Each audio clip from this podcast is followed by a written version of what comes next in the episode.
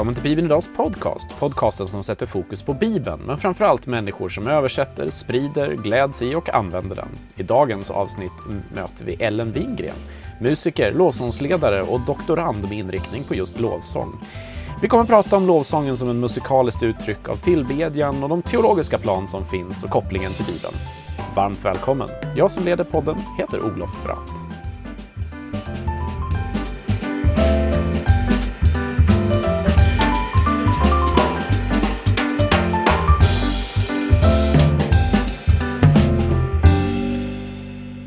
Var ni varmt välkomna tillbaka till Bibeln Idags podcast. Första avsnittet 2020, nytt decennium tror jag vi säger att det är. Du lyssnar på en podd om Bibeln och eh, ja, olika infallsvinklar, olika människor som vi möter och idag så har vi med oss Ellen Wingren. Välkommen! Tack så jättemycket!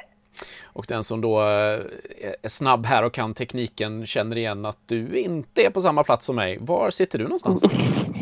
Jag sitter hemma i kökssoffan i Örebro faktiskt. I Örebro, okej. Okay. Är det där du mm. bor och verkar till vardags? Jag har en liten flexibel tillvaro, men det är här jag bor och eh, jag sitter ofta och jobbar på ALT, Campus Örebro, alltså Akademin för ledarskap och teologi, men där jag har jobbat innan. Men just nu har jag ett kontor där som jag liksom, eller en liten, liten forskarplats som jag oh. lånar för att jag just nu Eh, är doktorand vid eh, Teologiska högskolan i Stockholm. Ja, okay. Och då får man vara lite flexibel och forska därifrån man kan, där man kan vara och där man vill vara. Just det. Så. Mm. Vad, eh, vi ska prata om lovsång idag eh, och kopplat yes. då till eh, Bibeln såklart eftersom det är Bibeln idags podcast. Men mm. innan vi kommer dit så brukar vi vilja känna lite grann på våra gäster och sådär och se vad är din bakgrund? Vem är Ellen Wingren för den som inte har mött dig eller fått ställa dig mot väggen tidigare? Just det, är det det du ska göra nu? Ställa mig mot väggen? ja, vi får väl se här, du säger ju saker. ja, just det. Eh, nej men min bakgrund är att jag, eh, om man kopplar till lovsång, så är jag uppvuxen inom pingströrelsen. Eh, dels i Sverige men också i Sydamerika. Mm. Närmare bestämt Bolivia. Och ehm,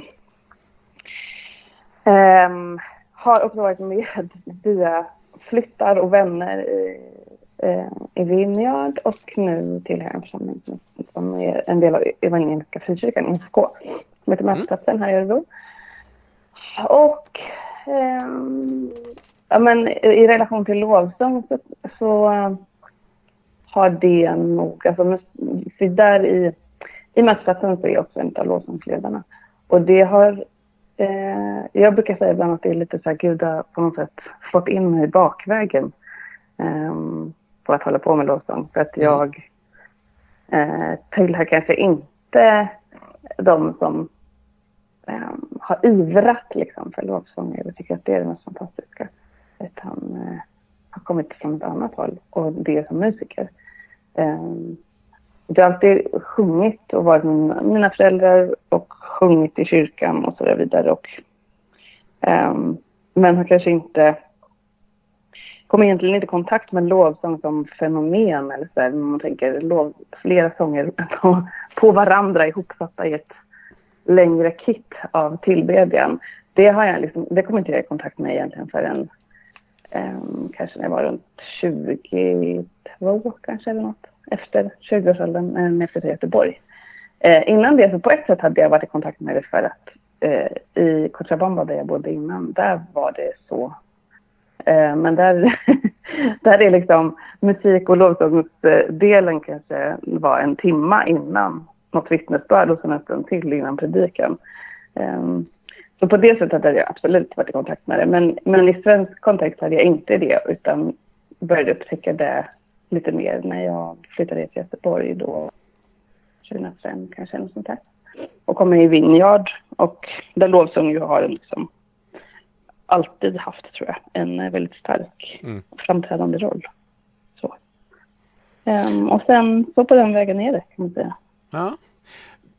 Vi kan ju börja i, i någon slags definitionsträsk här. Jag vet att man får nästan lika mm. många svar som man ställer frågan till människor, höll jag på att säga. Eh, men vad, vad, vad, skulle du säga att lovsång är, om vi nu tittar på det ur en en, ja, men en kyrklig kontext så att säga. Vad, vad, vad är lovsång för dig?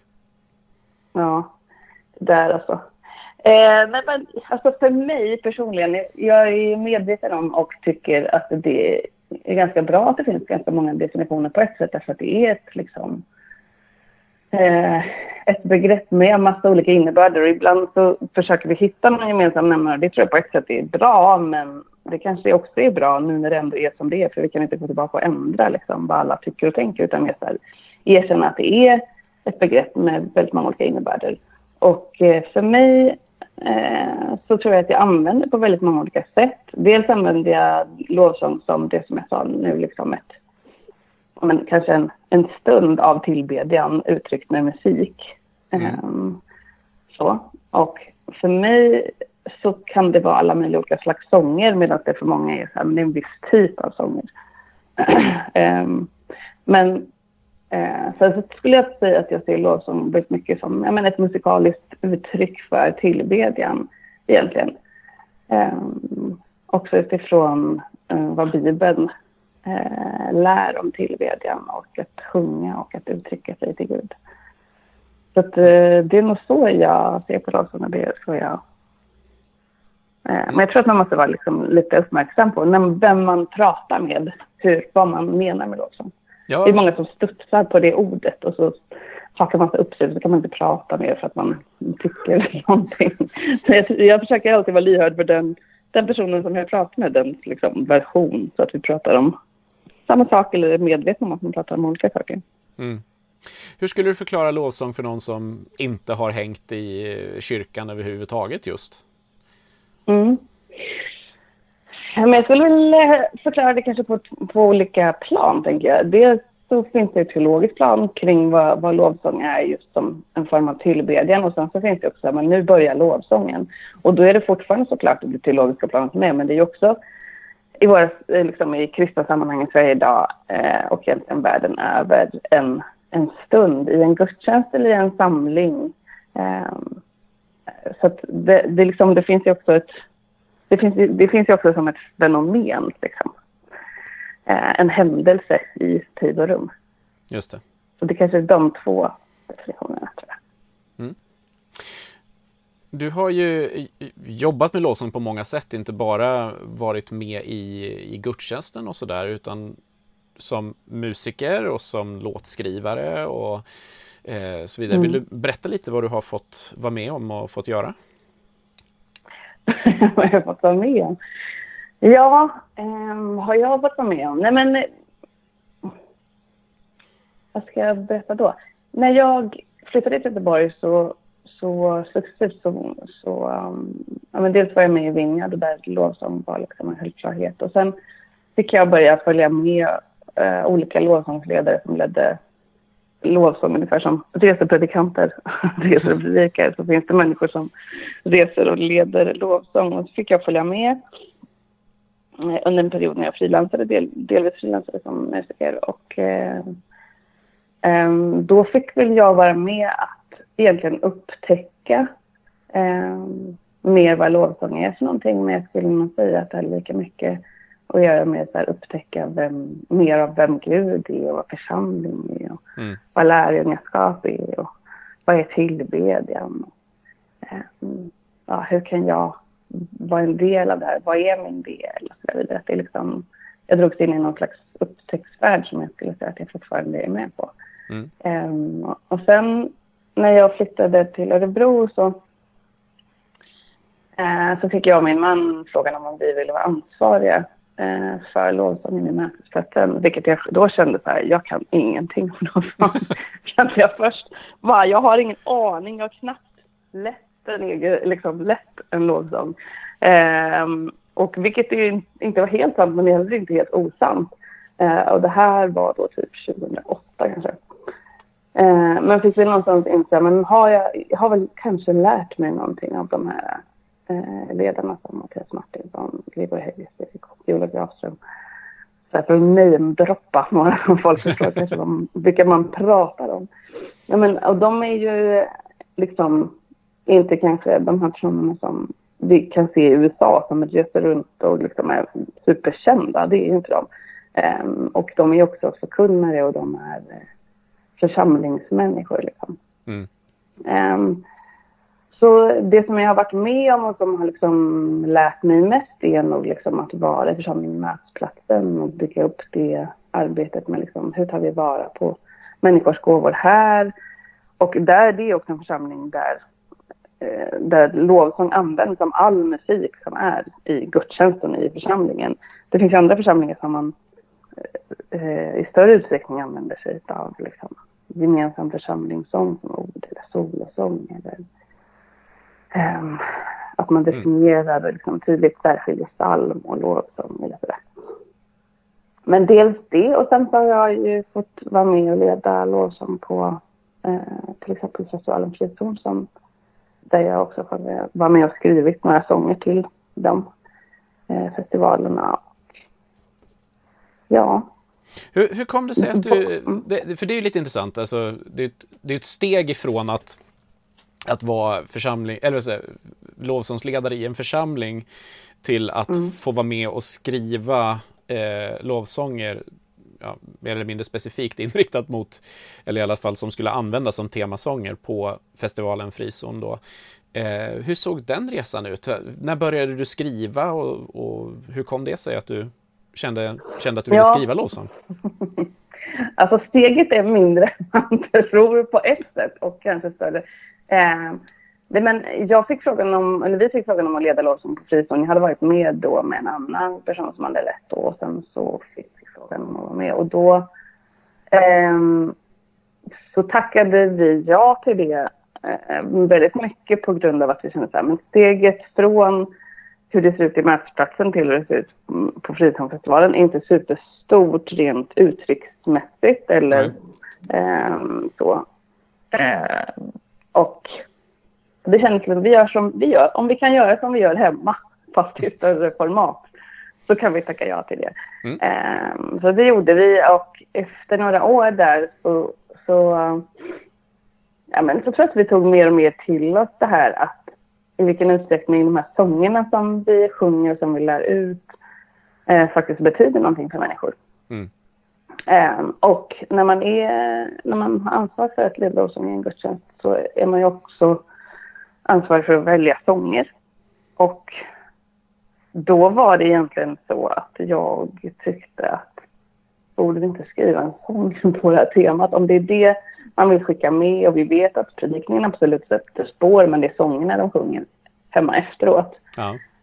Um, vad skulle hända om vi skrev en sång som liksom försökte utforska det här ämnet och sammanfatta lite grann och som också kan få vara bärare av eh, minnen om vad Gud har gjort under festivalen, bära minnen av liksom, ja, men kanske steg och beslut människor har tagit eh, och också liksom undervisning man har fått ta del av och så Och det var inte lätt. Liksom. Ibland tror jag att Ja, men, ibland när jag är iväg och undervisar så här på folkhälsa så tror folk att jag har skrivit så otroligt mycket lovsånger.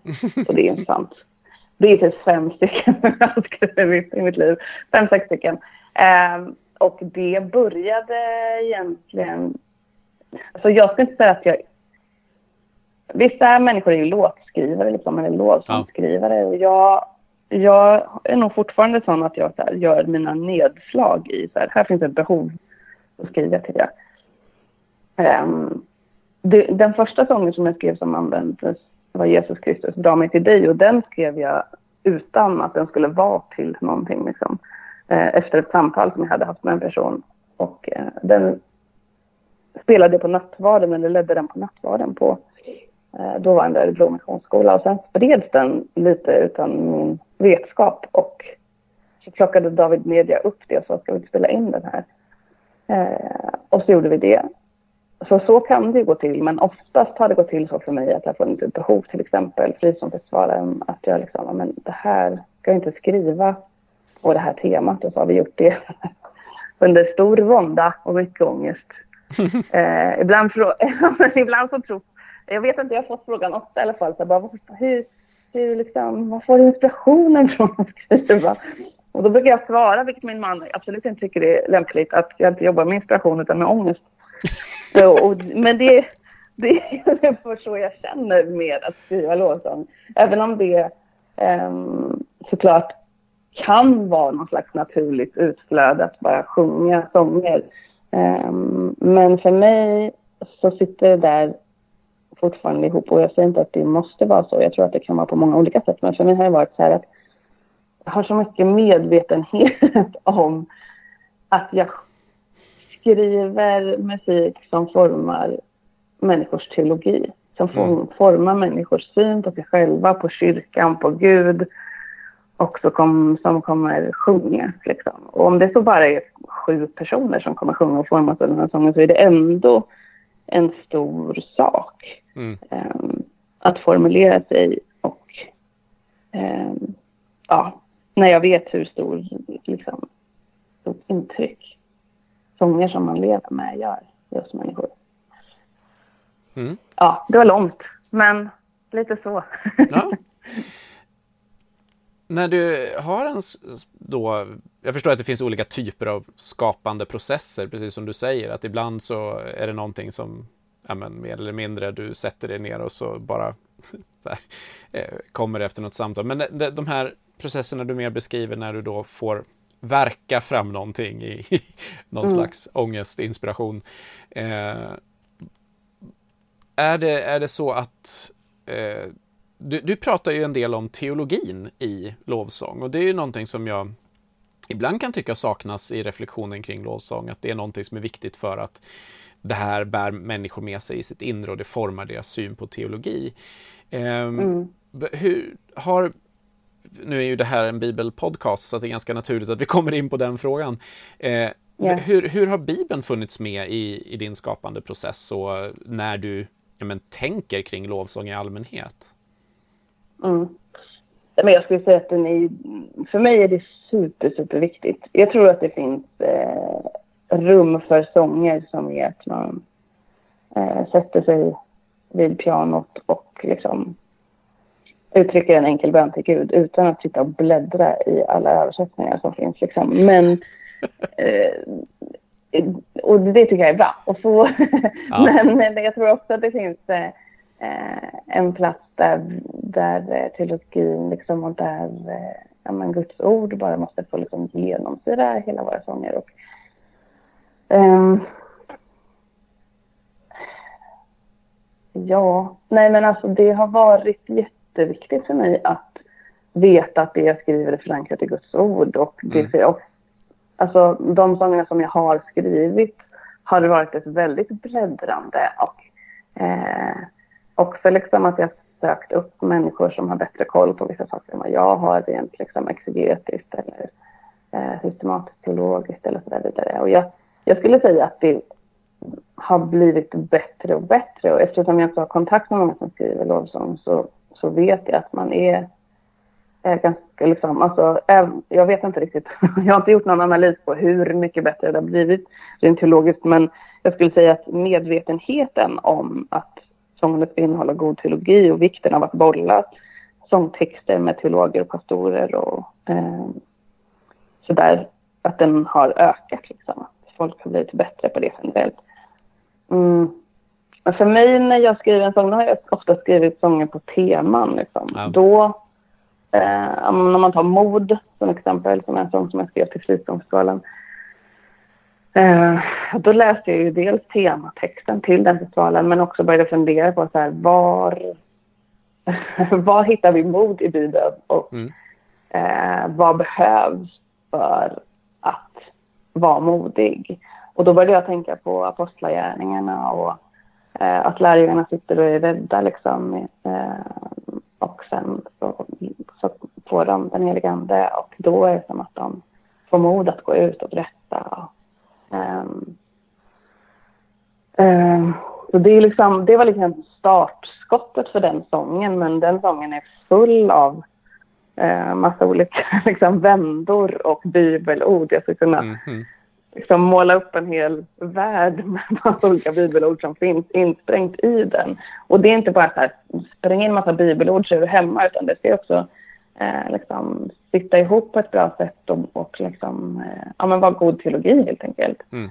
Mm, så man kan ju också, alltså, man kan ju göra dåliga saker med bra bibelord. Eh, Jo, det är ju också liksom ett arbete. Mm. Nu, nu är ju du inom, inom akademin här, du, du läser, du pluggar. Eh, ha, vad är kopplingarna till lovsången här? Kopplingarna till lovsången här är att, det verkar som att jag liksom fortfarande har frågan, min fråga är vad håller vi på med? Och det är den frågan jag liksom ställer mig både i min forskning och i livet verkar det som. Ehm, och ja, men, eh, kopplingen är nog att jag eh, i min forskning så är, dels när jag skrev min master så skrev jag den utifrån intervjuer med lovsångsledare. Och nu så håller jag på att skriva min avhandling utifrån intervjuer med människor som eh, deltar eller så i lovsång i olika församlingar. Jag har inte börjat intervjua än, men det är det som är liksom poängen. Att intervjua och analysera det. Och ehm, men jag är intresserad av det här. Ja, men ytterst tror jag att jag är intresserad av vad, Gud gör. Mm. Det verkar ju vara som att men lovsången, eh, ibland säger man så här, men lovsång, det finns en, en, ett intro i en sån här halleluja-körbok där det står så här. Det verkar som att 70-talet ska gå till historien som lovsångernas decennium. Men det verkar inte ha varit så. det verkar ha fortsatt. Eh, och det, det är som en liksom, rörelse över världen och det finns ju massa olika aspekter kring varför det är så, inte minst kommersiella intressen. Men jag tror att det är mer än så, jag tror att det, att det är större än så. Och jag vill gärna veta vad Gud håller på med och eh, vad lovsång betyder för människor. Mm. Mm. Så det är det som eh, liksom, driver min forskning, eh, bland annat. Ja. Ja. Om jag tittar på den, den rent bibliska sidan av eh, om vi tittar på teologi och exegetik och sådär så tycker jag mig Mm. ibland möta bland människor att, att om man kommer och, och berättar att men, här har vi någon som doktorerar eller skriver en avhandling eller en master eller någonting så får man känslan av att, ja ah, okej, så du, du använder hjärnan och inte hjärtat när du läser och så, så blir man lite rädd sådär och så, ja, Mm. de, de, de där på akademin kan få syssla med vad de sysslar med.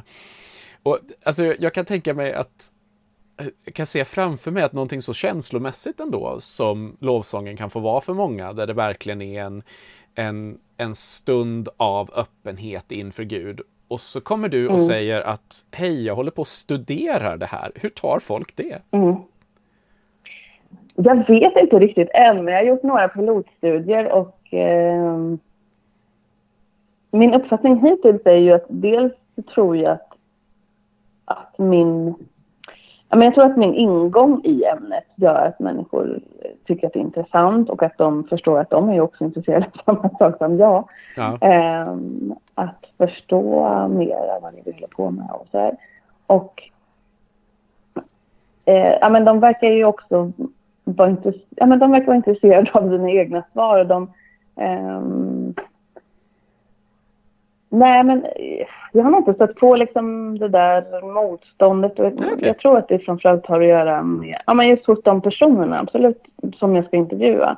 Jag tror att det har att göra med min egen ingång, men jag tror också att det har att göra med um,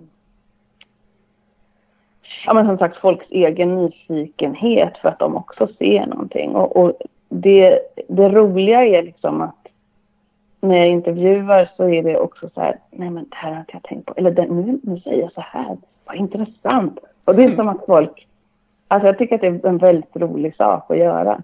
Um, jag skulle nog säga att det finns fler konflikter eller skav i människor som är då mer liksom interna eller i relation till så här, nej men gör vi så här i vår församling eller det här har inte jag tänkt på eller det här, brukar, det här gillar inte jag eller det här var obehagligt eller så här, alltså när de berättar olika saker. Snarare liksom att det är interna saker eh, än att det är jobbigt att just jag kommer att intervjua dem. Ja. Ja. Så du, du började alltså i, i, i mastern med lovsångsledarna och nu är det, vad ska vi säga, vanliga församlingsbor? Var det rätt uppfattat? Ja, precis. Helt vanliga. Helt Till vanliga? skillnad från de ovanliga. Ja, ja, Ja. ledarna. Mm, Eh, hur, hur kommer det sig att du...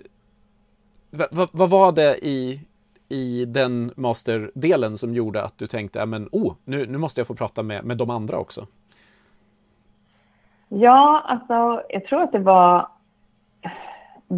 det som vi, det som vi alla andra som lovsångsledare kanske, eller som ledare i en församling, så här, jag, ja, men det här, man kan ju ha en idé om vad man eh, vad till exempel vad lovsång är eller vad predikan är eller vad när man förkunnar om förlåtelse eh, och så tycker man att det här togs emot si och så men man vet ju inte exakt hur det faktiskt togs emot.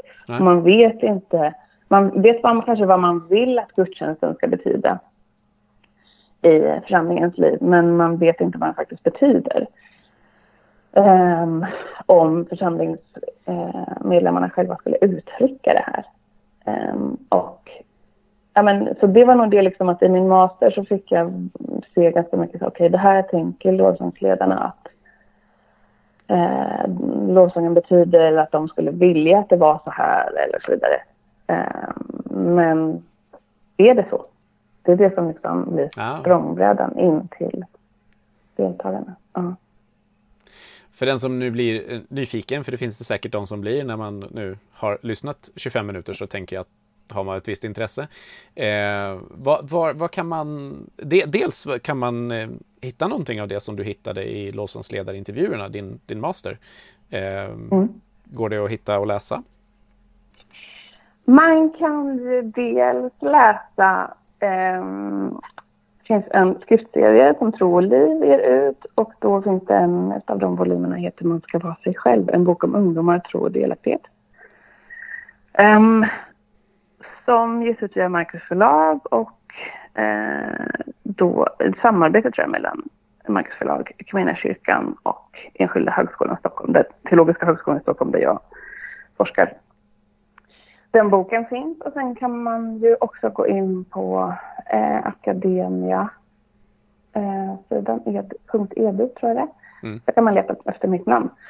Så kan man hitta både min master där och eh, lite annat. Jag är lite dålig på att lägga upp saker som jag skriver, men jag ska bli bättre. men där kan du... man läsa lite grann i alla fall. Ja, nu har du lovat det här i, i en podcast. Så... Mm. Ja. Absolut. Jag vet ju vad som ligger där redan. Så... Ja. ja. ja. men bra, då, då kan man leta mm. vidare där också om man är nyfiken. Vad en sak bara som, vilket, nu när du kör, ska du köra intervjuer här då, vad, vad, är det, är det något särskilt sammanhang som du intervjuar människor ifrån eller är det kristenheten i stort? Um, ja, jag kan inte säga så mycket om det, dels för att folk ska få vara anonyma men Eh, också för att jag inte riktigt vet. Ah, okay. eh, men eh, jag kommer att intervjua människor från eh, vad jag hoppas är tre olika församlingar från mm. olika samfund. Okay. Eh, där lovsång liksom har en framträdande plats. Lovsång som fenomen har en framträdande plats. Så det är inte en sån där breddundersökning där du ska försöka studera Svenska kyrkans syn och eh, katolska kyrkans syn och frikyrkans syn och så vidare? Nej, Nej okay. precis. Eftersom lovsång ju också är ett sånt liksom translokalt fenomen, som vi säger. Alltså ett fenomen som liksom är samfundsöverskridande. Um, så har jag uh, valt att um, låta liksom, församlingar vara forskningsmiljö. För man ska också hitta människor på något vis och man ska välja kriterier, urvalskriterier på det här viset. Mm. Uh, så så kommer det bli. Mm. Mm. Om du tittar på, på nu, nu blir det en sån här fråga, så vi ser om du vågar svara på den, här på så här. men om du tittar på, på mm. lovsångsklimatet i, i Sverige och kanske särskilt ditt eget sammanhang. Eh, du tittar på det som skrivs och det som kommer ut och lovsånger som man sjunger. Eh, finns det saker som du tänker, åh, det här skulle jag vilja att vi tillsammans verkligen la tid och energi på att tänka igenom för att det känns som att, du sa att du var på väg åt rätt håll, sa du tidigare när du pratade, med, pratade om eh, lovsångsledare mm. och teologi. Men vad, vad, vad, ser du i, i lovsångs-Sverige idag, så flummigt som det nu eh, kan uttryckas? Eh, har du liksom någonting som du upptäcker, som du känner att du, du, ja men det här skulle jag vilja att vi har ett större samtal om eller jobbar vidare på som, som du ser som viktigt? Ja. Um och det får jag nog svara liksom, eh, mer, inte så mycket som forskare utan snarare som liksom, lovsångsledare och ja, ja. teolog och människa. Men det som jag ser, men jag skulle nog önska att vi... Eh, ja, men, eh, jag tror att egentligen handlar det i stort om att när vi, när vi nu liksom ger eh, lovsång och sång, alltså allt som vi ger ut, mycket utrymme i gudstjänsten i sammanhang, eh, i gudstjänsten eller i våra sammanhang, tänker jag att vi behöver fundera mycket på liksom, och veta varför vi gör det och också få med Eh, alltså förklara och undervisa om varför, jag, varför vi gör det. Jag undervisade på en, en musikdag här förra lördagen. Och eh, jag slog på den cykeln igen, som jag också slår på att det är liksom människor som leder lovsång, att de skulle våga ta ett kliv fram och säga tre meningar om varför vi ska sjunga lovsång. Ja. Um, jag, jag märker att det är så i alla fall i många sammanhang där jag, där jag leder eller där jag stöter på andra människor som leder lovsång eller leder musik. Att, att människor är inte så stora motståndare om de förstår varför man ska ja. göra saker. Um, så att istället för att lovsångsteamet, som det ibland kallas, är liksom någon slags uh, lovsångs-jukebox så skulle man kunna faktiskt uh, vara bön och tillbedjansledare mm. med musiken som hjälp. Och att då säga ett par ord om nu ska vi sjunga lovsång, det är att göra det här, det är att uttrycka sitt tack, att uttrycka sin tillbedjan med musik. Um, att liksom minska det där glappet som kan skapa otrygghet eller ovisshet. Det skulle jag önska att vi blev bättre på, att vi blev bättre på att uttrycka varför vi prioriterar som vi gör. Um, jag hade ett samtal med en kvinna som, om lovsång. Och vi pratade länge och väl och hon sa så här, alltså jag är inte helt nöjd med att vi inte att vi inte kan motivera varför vi har det som vi har det. Och jag, jag tror liksom att jag tror att det ligger så himla mycket i det. Att, ja. att um, och på ett sätt kan man säga så här, men, men det spelar ingen roll hur många gånger man undervisar om det här. Men jag tror att det spelar roll att liksom få in den här vanan, precis som att man Eh, att förklara varför har vi predikan, varför tycker vi att Guds ord är viktigt i våra gudstjänster. Varför tycker, alltså att bara, liksom, det finns en mötesledare som säger någonting, jag tror också att lovsångsledaren eller musikledaren skulle bara säga ett par ord istället för att nu händer bara det här momentet. Det tror jag skulle, vi skulle liksom kunna bli bättre på. Det församlingspedagogiska i att bjuda in varandra. Mm. Så att, inte, menar, att det blir liksom en gudstjänst som alla känner sig trygga i. Alla behöver inte ha sina favoritsånger, det tror inte jag på. Det kommer mm. aldrig hända. Eh, men det som vi har gemensamt som är kärnan i vad vi håller på med tror jag inte kan kommuniceras eh, för lite. Eller för mycket menar jag. Ja. Det, jag, det skulle jag vilja se. Och så skulle jag vilja se att vi skrev fler tacksamhetssånger. Ja. Det saknar jag ofta när jag ska välja. Se det som en beställning, du som sitter och lyssnar. Mm, exakt. Ja. ja, då tar vi några eh, snabba frågor här på slutet då. Eh, mm. Och nu, nu, nu, nu är ju det här liksom det här är så konstigt att göra en podcast egentligen, för att den här kommer ju ligga ute länge, men nu får du svara precis i nuet. Eh, men du får ta det för vad det är. Favoritlovsång just nu?